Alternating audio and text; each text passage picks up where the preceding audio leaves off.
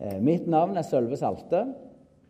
Jeg er en bonde ifra Jæren, nærmere bestemt Klepp. Eh, jeg er gift med Hege, og sammen så har vi seks unger i alderen åtte måneder til elleve år. Eh, vi driver gard, jeg driver gard med melkeproduksjon og har ca. 60 melkekyr og kalver kviger og okser. 7500 varpehøner, altfor mange katter. Så hvis noen har lyst på en katt, så kan dere komme til Jæren, eh, så skal vi nok ordne det. Eh, det var godt å være her sammen med dere og få lov til å synge til Jesus. For Jesus er her. Eh, vi synger ikke bare ut i løse lufta, men vi synger faktisk til Jesus. Og han har behag i at vi tilber. Eh, overgivelse er sett som eh, tema for denne helga. Og Da tenker vi på at vi gir oss sjøl til Jesus. Vi overgir våre liv, og vi vil leve for han. I alt det vi gjør, så kan vi være enige om én ting, og det er viktig å ha hjertet med seg. Hvis vi gjør noe halvhjerta, ja, da begynner det å bli litt sånn tungt å gjøre det, litt motvillig. Og det er ikke akkurat sånn at det slår gnister av oss når vi gjør noe halvhjerta. Eh, så skal vi overgi oss sjøl til Jesus, så er det jo klart at hjertet vårt må være med. Eh, vi må overgi oss med alt det vi har. Så i kveld så skal vi rett og slett på en liten legesjekk. Eh, vi skal på en legesjekk hos Jesus, der han skal få lov til å lytte inn på ditt og mitt hjerte. Og så er mitt håp at han skal få lov til å tale ord inn i ditt liv. Ord som vil bli til hjelp for deg, og at han skal røre med ditt liv.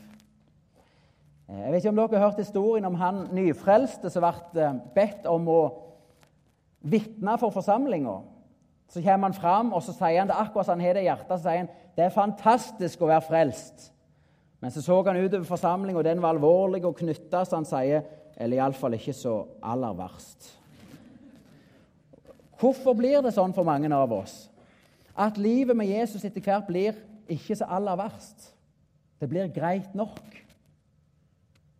Eh, det er som om det grepet Jesus en gang hadde av oss, at, at det mister litt.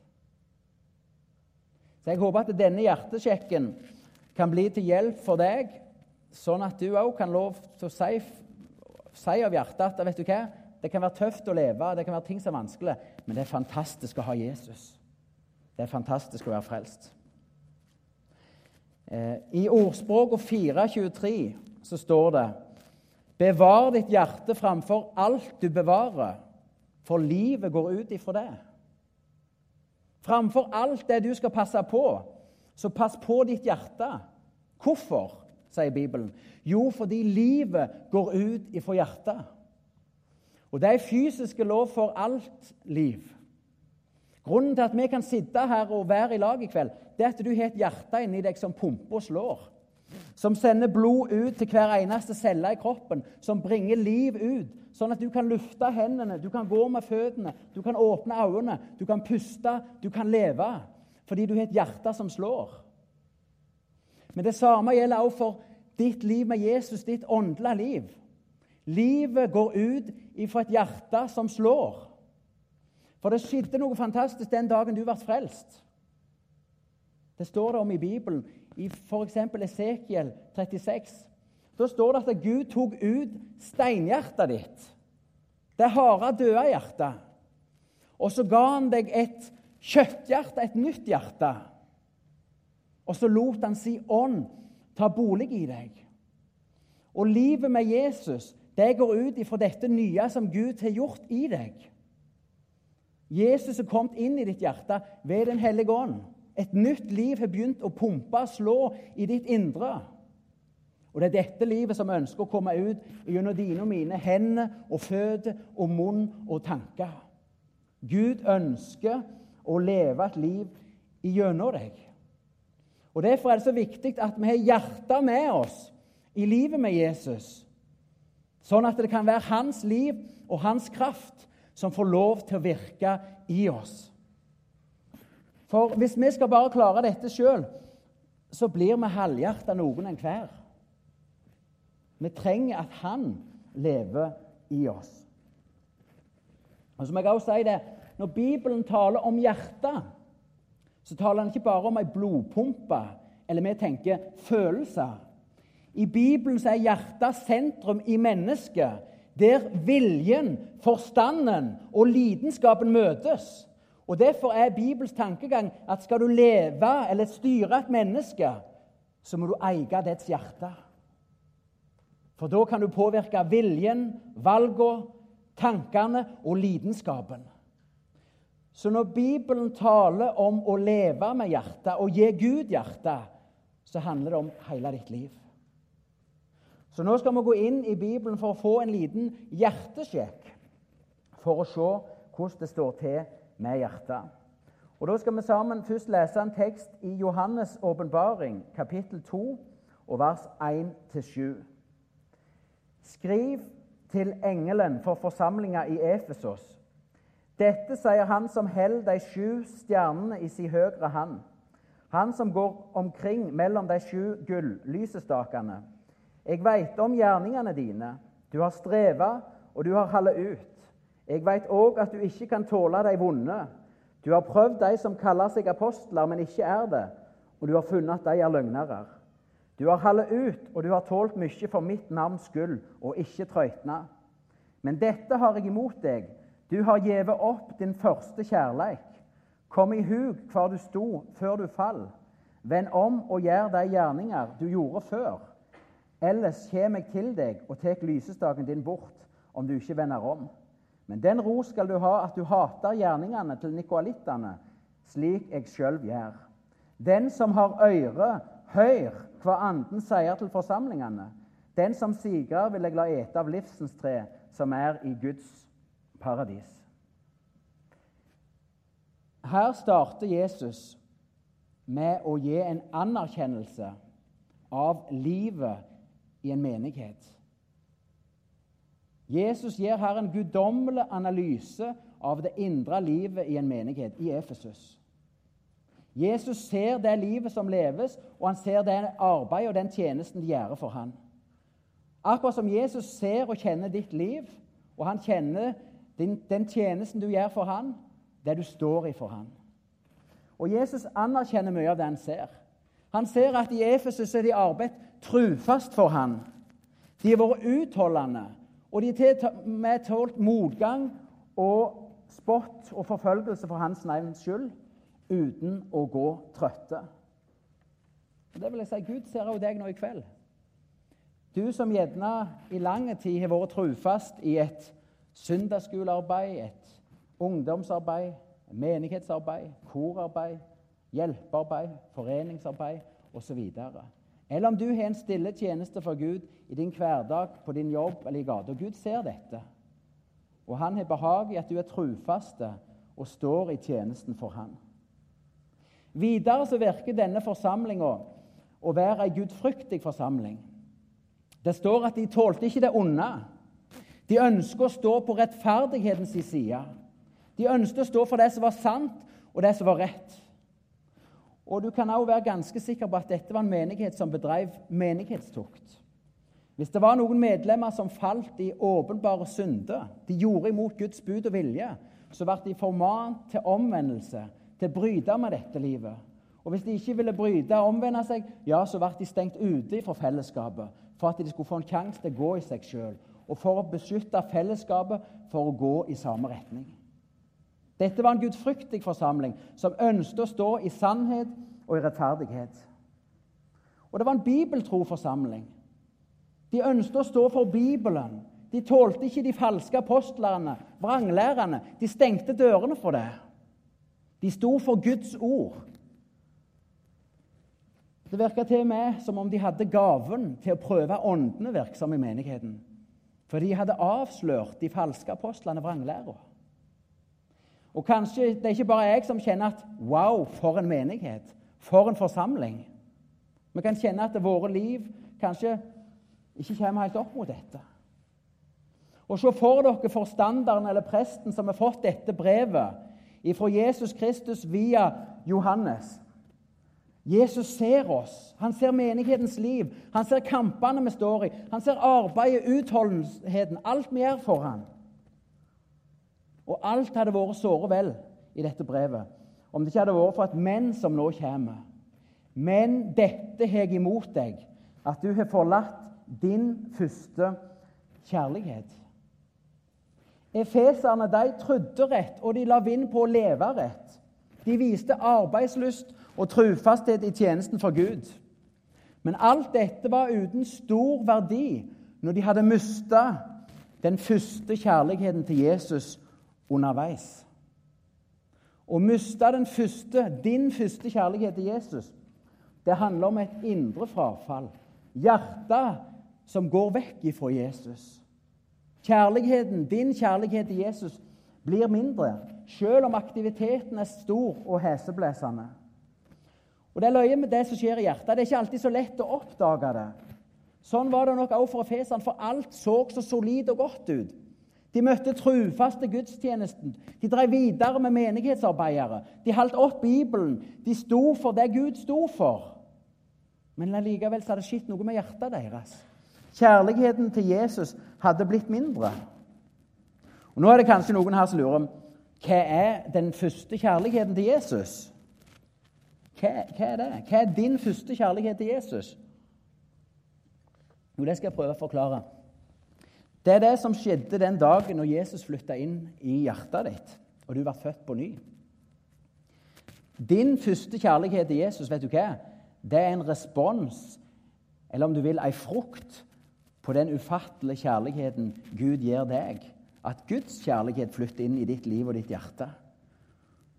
Da skapes det noe nytt. Da skaper det at du vil si til Jesus 'Jeg vil elske deg tilbake'. Jesus, jeg ønsker å leve for deg. Jesus, du skal være livet for meg. Jeg vil følge deg, jeg vil tjene deg. Det er som om Golgata-kjærligheten springer over i ditt hjerte, og så skapes det en ny rytme, et ønske om et gjensvar. Jeg vil leve for deg, Jesus. Jeg vil elske deg tilbake, for du har gitt alt for meg. Og vi kan kun leve og forbli i din og min første kjærlighet til Jesus hvis han får lov til å fortsette å elske oss. For Bibelen sier at vi elsker fordi han elsker oss først. Og vi kan bare fortsette å elske Jesus tilbake hvis vårt liv og hjerte er åpen for hans kjærlighet. At han får lov til å elske oss. Store ord, sier du kanskje. Prøv å være litt mer konkret. Hvordan kan min første kjærlighet til Jesus hvordan kommer den til uttrykk i livet mitt? Hvordan blir han synlig? Jeg skal prøve å gi deg noen punkt på det. For det første vil jeg si En frukt av at du lever i den første kjærligheten din til Jesus, det er takknemlighet. Takk, Jesus. At du fortsatt i dag er takknemlig for det han har gjort for deg. At du er takknemlig for at du får lov til å ha Jesus i ditt liv. Men det kan også vise seg i takknemligheten for de små tingene. Takk, Jesus, for at jeg får lov å gå i denne menigheten. Takk, jeg får lov til å ha kristne brødre og søstre rundt meg. Ja, takk, Jesus, for at jeg har ei seng å sove i, et hus å bo i. Takknemlighet til Jesus. Videre så viser den første kjærligheten seg i avhengighet til Jesus. Sånn er det med kjærligheten. Den vi elsker, den vi gir oss sjøl til, den som har gitt seg sjøl til oss, vi blir så avhengige av Han. Jesus, jeg trenger deg i livet mitt. Jesus, jeg vet mest ikke hvordan dagene mine skulle vært uten deg. Jesus, jeg er så glad for at jeg har deg. Og så viser den seg også i det som er tema for hele helga overgivelse. Det blir, sånn, det blir, et sånn indre trykk at du, du, får lyst til å si 'Jesus, jeg vil gi deg mitt liv'. Det blir ikke noe sånn tvang at 'nå må du leve for Jesus'. Nei, Jesus, jeg vil leve for deg. Du ga alt for meg. Jeg vil, elske deg tilbake, jeg vil følge deg, jeg vil tjene deg. Men når vi begynner å gå vekk fra den første Det er sånn vi sier 'Jesus, her er jeg. Ta meg, bruk meg, send meg.' Men når vi er på vei vekk fra den første kjærligheten, så blir det litt mer sånn 'Jesus, ta heller han. Bruk heller han. La meg være litt i fred.' Den, en frukt av den første kjærligheten i ditt liv det vil også vise seg i søskenkjærlighet. At du elsker dine kristne brødre og søstre. Du elsker de som er i familie med Jesus, han som har vunnet hjertet ditt. Du elsker det Jesus elsker, og da elsker du også de rundt deg. De som han har vunnet med sitt blod. De som han har sett sammen med deg for at dere skal være et fellesskap og en menighet her. Akkurat som Efesene, det går an å være aktive. Stå i lederskap og stå i tjeneste og stå i hva du skulle ville av kristent arbeid. Men allikevel så kan du underveis ha gått vekk ifra din første kjærlighet til Jesus. Det er skjedd noe med ditt hjerteforhold til Jesus. Gi et lite sånn dagligdags eksempel. Se for dere et ektepar. La oss kalle de eh, Ola og Kari. De gifter seg fordi de elsker hverandre. Kjærligheten er gjensidig. Og de vet nesten ikke hva godt eh, de skal gjøre for hverandre. De bygger et heim, en ekteskap, en hverdag på denne gjensidige kjærligheten. I starten var det sånn at Ola, for eksempel, når han skulle klippe hekken ut forbi, så gjorde han på å klippe den så nøye og fint fordi han visste at Kari setter sånn fin pris på så sto pris på en fint frasert hekk. Så han klipte, så tenkte han på Kari. Nå skal jeg glede Kari.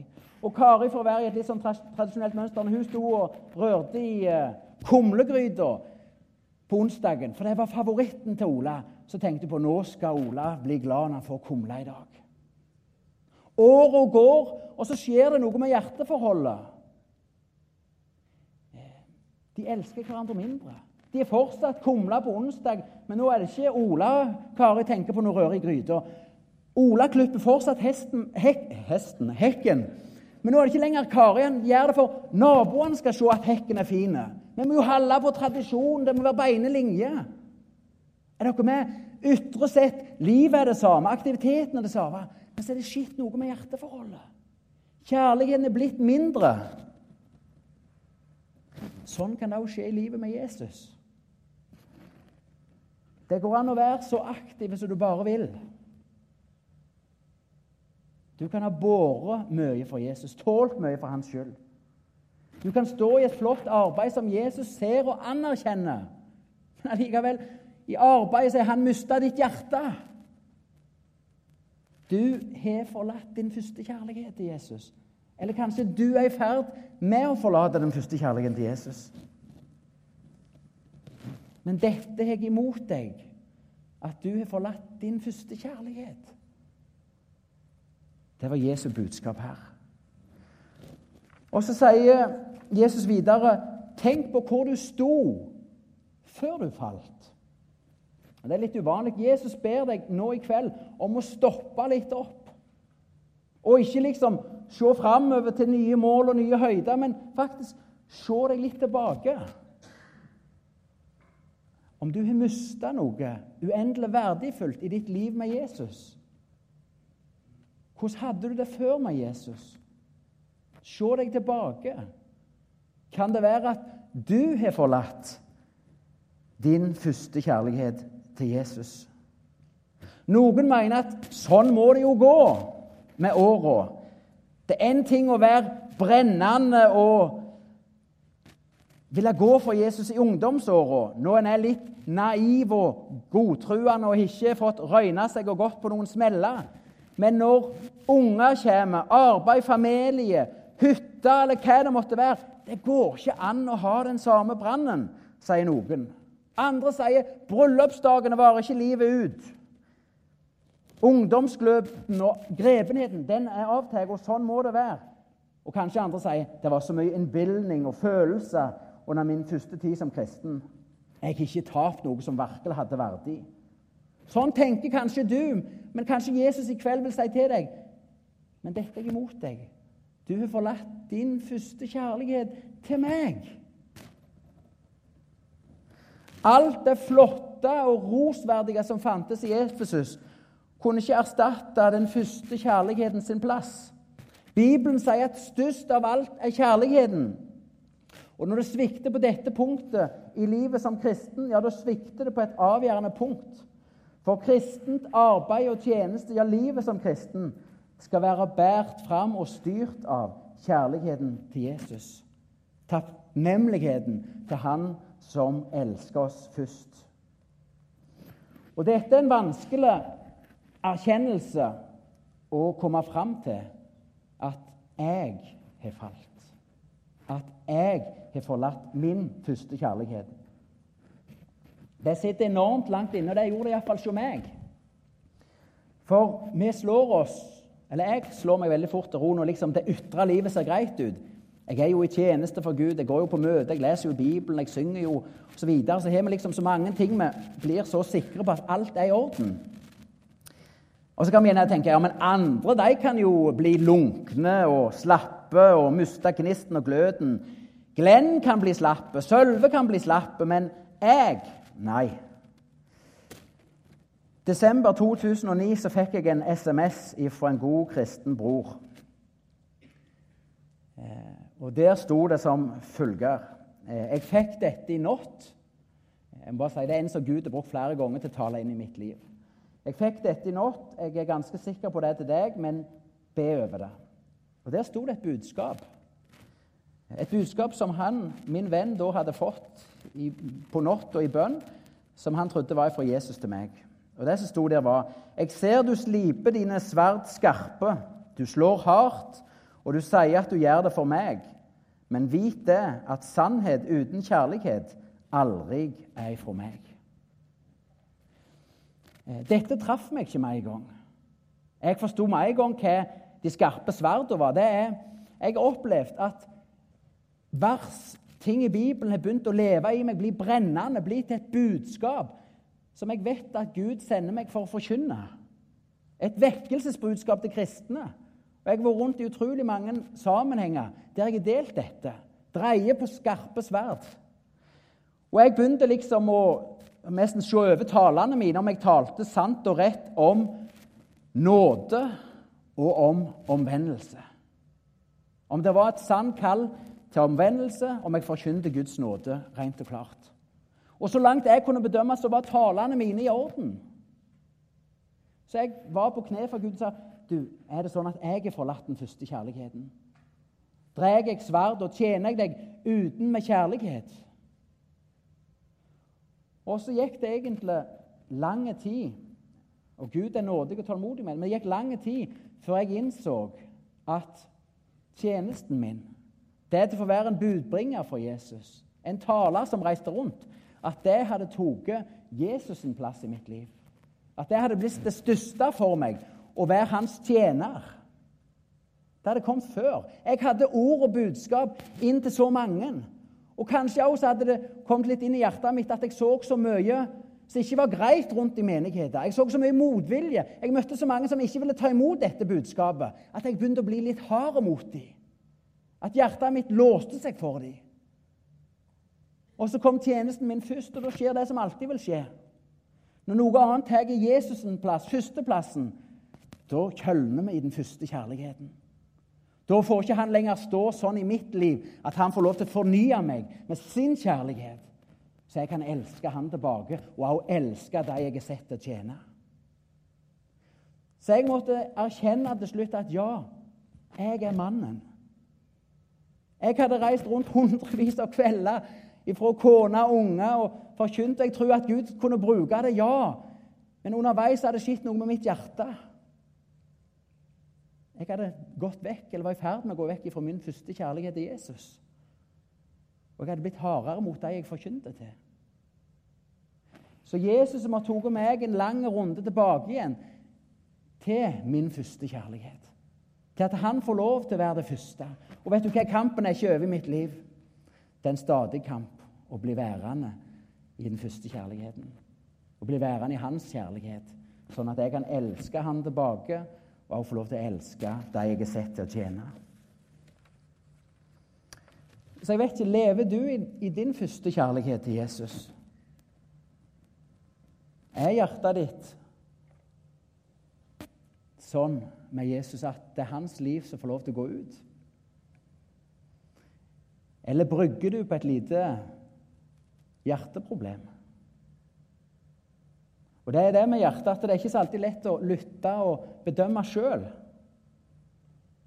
Vi trenger Guds ord som får lov til å tale inn gjennom alle våre tanker og meninger, sånn at det rammer oss. Ja, jeg er mannen. Jeg er den som er forlatt. Min første kjærlighet til Jesus. Og Det er mitt håp at, at Guds ord skulle få lov til å nå inn til deg nå i kveld. Du som trenger en kursendring her. Jeg hadde en farfar som, som jeg var utrolig glad i. Eh, han var bonde. Han hadde noen enorme arbeidshender. Eh, han var som bonde av den gamle skolen. Han hadde grevet ut hele gjødselkjelleren i fjoset bare med spade. Eh, men farfar, når han var ca. 65, så fikk han hjerteproblem. Sikkert hjerteattakk. Og Han måtte begynne å gå på en medisin. Og Det gjorde han i ti år. Den medisinen inneholdt nitroglyserin, altså eksplosjon. Så farfar hadde små eksplosjoner for å holde trykket og hjertet i gang. Men til slutt så hadde denne hjertemedisinen utvidet farfar sitt hjertekammer så mye at det ikke lenger var trygt å pumpe blodet ut i kroppen. Og Husk på det verset 'Bevar ditt hjerte framfor alt du bevarer', for livet går ut ifra det. Og Da var det fryktelig vondt å se på farfar. På noen få måneder så ble han den fortsatt røslige og i mine øyne kraftige arbeidskaren. Han sank sammen til å bli bare skinn og bein. En kunne se at livet forsvant ut av kroppen hans fordi hjertet ikke lenger fikk lov til å pumpe blod og liv ut i kroppen. Og Sånn er det òg med det åndelige liv. Med det nye livet som Jesus vil leve. Det er livet der du skal få leve i hans kjærlighet, og der du skal få lov til å leve ut din første kjærlighet. Òg der går det an å få hjerteproblem. For hver i bildet med hjerteproblem Det som skjer hvis en får hjerteproblem, det er det første han merker det på, er at han kan begynne å bli kaldere i noen kroppsdeler fordi blodsirkulasjonen blir dårligere. Og Kanskje det kan være noe en kan prøve seg sjøl på. Eh, har jeg blitt kaldere mot de kristne rundt meg? Har det blitt vanskeligere for meg å tilgi? Har jeg blitt kaldere i mitt forhold til Jesus? En annen ting med hjerteproblem det er at eh, når ikke hjertet får pumpa blod ut i kroppen, så får ikke kroppen den næringa en trenger. Og Derfor kan en også se hvis den har store hjerteproblemer, så kan en bli avmagra. Men sånn kan det òg være i det åndelige livet. Du kan gå uke ut og uke inn på møte. Møte etter møte, møteveke etter møteveke. Men det blir ikke til mat for deg og liv for deg. Ja, Du kan til og med lese i Bibelen, men det er som om det ikke biter på. Du blir uberørt. Ditt liv blir uberørt av all de ord, all den mat som blir lagt i dine hender. Det er som om han ikke får gå inn og ut i din kropp og bli til liv. Og Noen også kan merke med hjerteproblem, det kan være at en kan kjenne et stikk i brystet. Det kan være et faresignal. Og Det tenker jeg i livet med Jesus. Kanskje du har kjent på et stikk i samvittigheten. Den hellige ånd har minnet deg om, om noe du skal vende deg ifra. Kanskje Den hellige ånd har kalt på deg til å vende tilbake igjen til din første kjærlighet. At du kan kjenne på et stikk i brystet.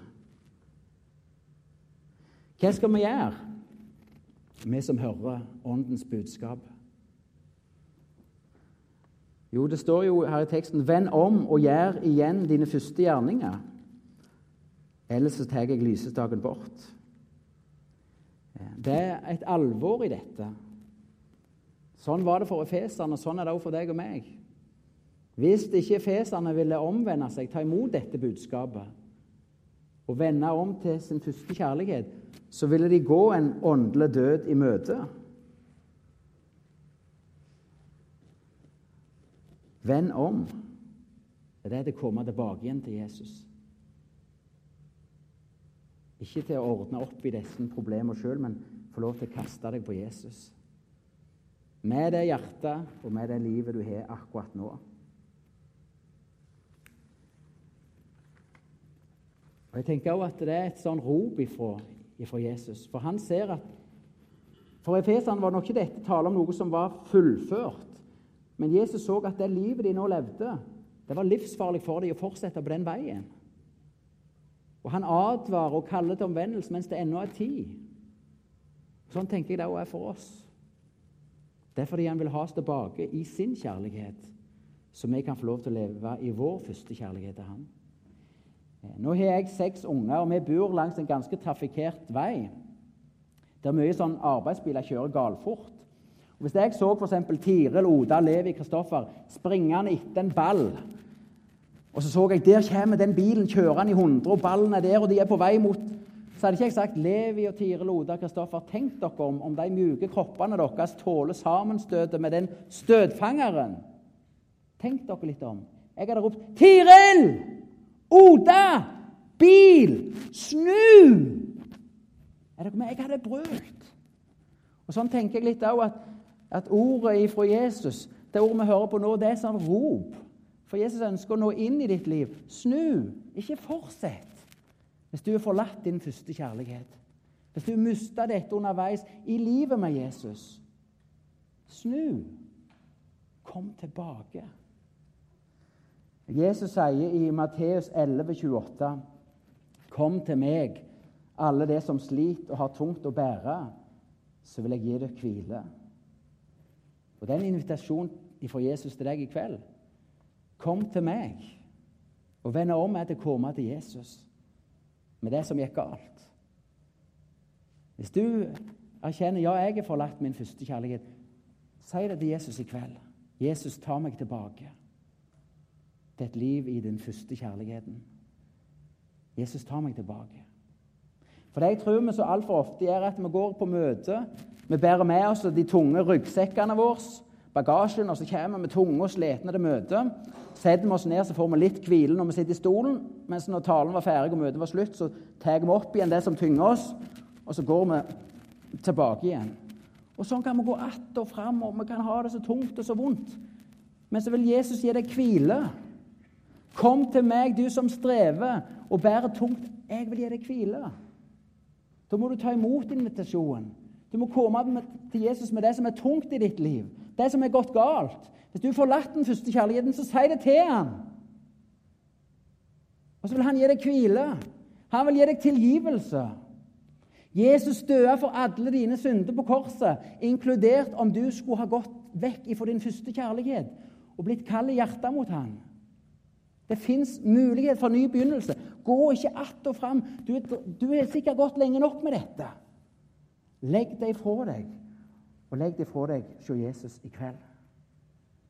I ordspråket 23-26 så står det 'Min sønn, gi meg ditt hjerte'. Og Det tror jeg er en invitasjon til mange av oss i kveld.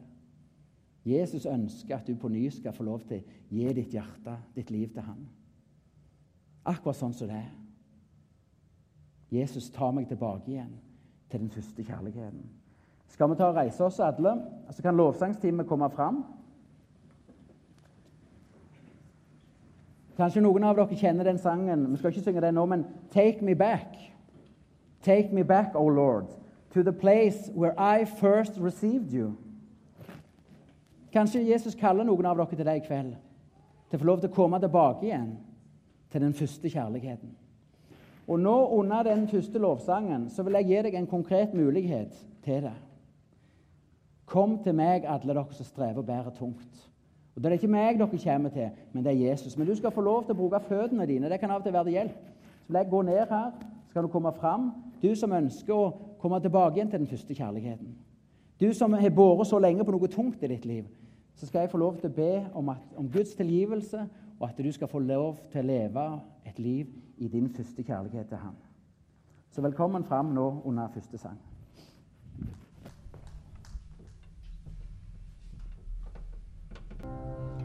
Men dette har jeg imot deg, at du har forlatt din første kjærlighet.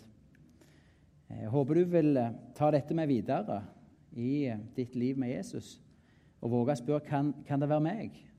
Hør hva Ånden sier til menigheten. Hør hva Ånden sier til deg. Eh, dette er av og til noen prosesser som trenger tid. Det gjorde det ikke meg. Og Alltid er det ikke så lett å bedømme vårt eget hjerte. Vi trenger hjelp av Guds ord og Guds ånd. Og Salme 139 sier, 'Herre, prøv mitt hjerte'. Prøv du mitt hjerte. Det skal du få lov til å ha som ei bønn. Gud, prøv mitt hjerte. Eh, for jeg ønsker å leve i, i min første kjærlighet til deg. Jeg ønsker å leve det livet eh, som du har kalt meg til å leve, der du lever i meg. Og la oss sammen nå ta ei bønn. Kjære Jesus, jeg takker deg for at du ga ditt liv for oss. Du ga alt, absolutt alt, og du ga også avkall på den herlighet og den posisjon og den makt du hadde i himmelen. Himmelens slott og ufattelig rikdom var din bolig, og så lot du deg bli født som et menneske. Lagt i ei krybbe. Du ga avkall alt, på alt for å helt kunne overgi deg til oss og til Guds vilje. Og Jesus, så ser du at vi òg ønsker å gi oss til deg helt. Men så er det så mange ting som kan komme inn i hjertet av livet vårt. Jesus, du ser at eh, det er ting som vil ha seg vekk ifra vår første kjærlighet til deg. Nå ber jeg deg, Hellige Ånd, om at du må stadfeste det ordet som er forkynt, at det må få bli til lys og liv og hjelp for den enkelte sånn at vi kan vende om hvis vi trenger det, og fortsette akkurat sånn som vi fortsetter, eller endre kurs hvis vi trenger å endre kurs. Så jeg ber om din velsignelse over hver og en og din ledelse. I Jesu navn. Amen.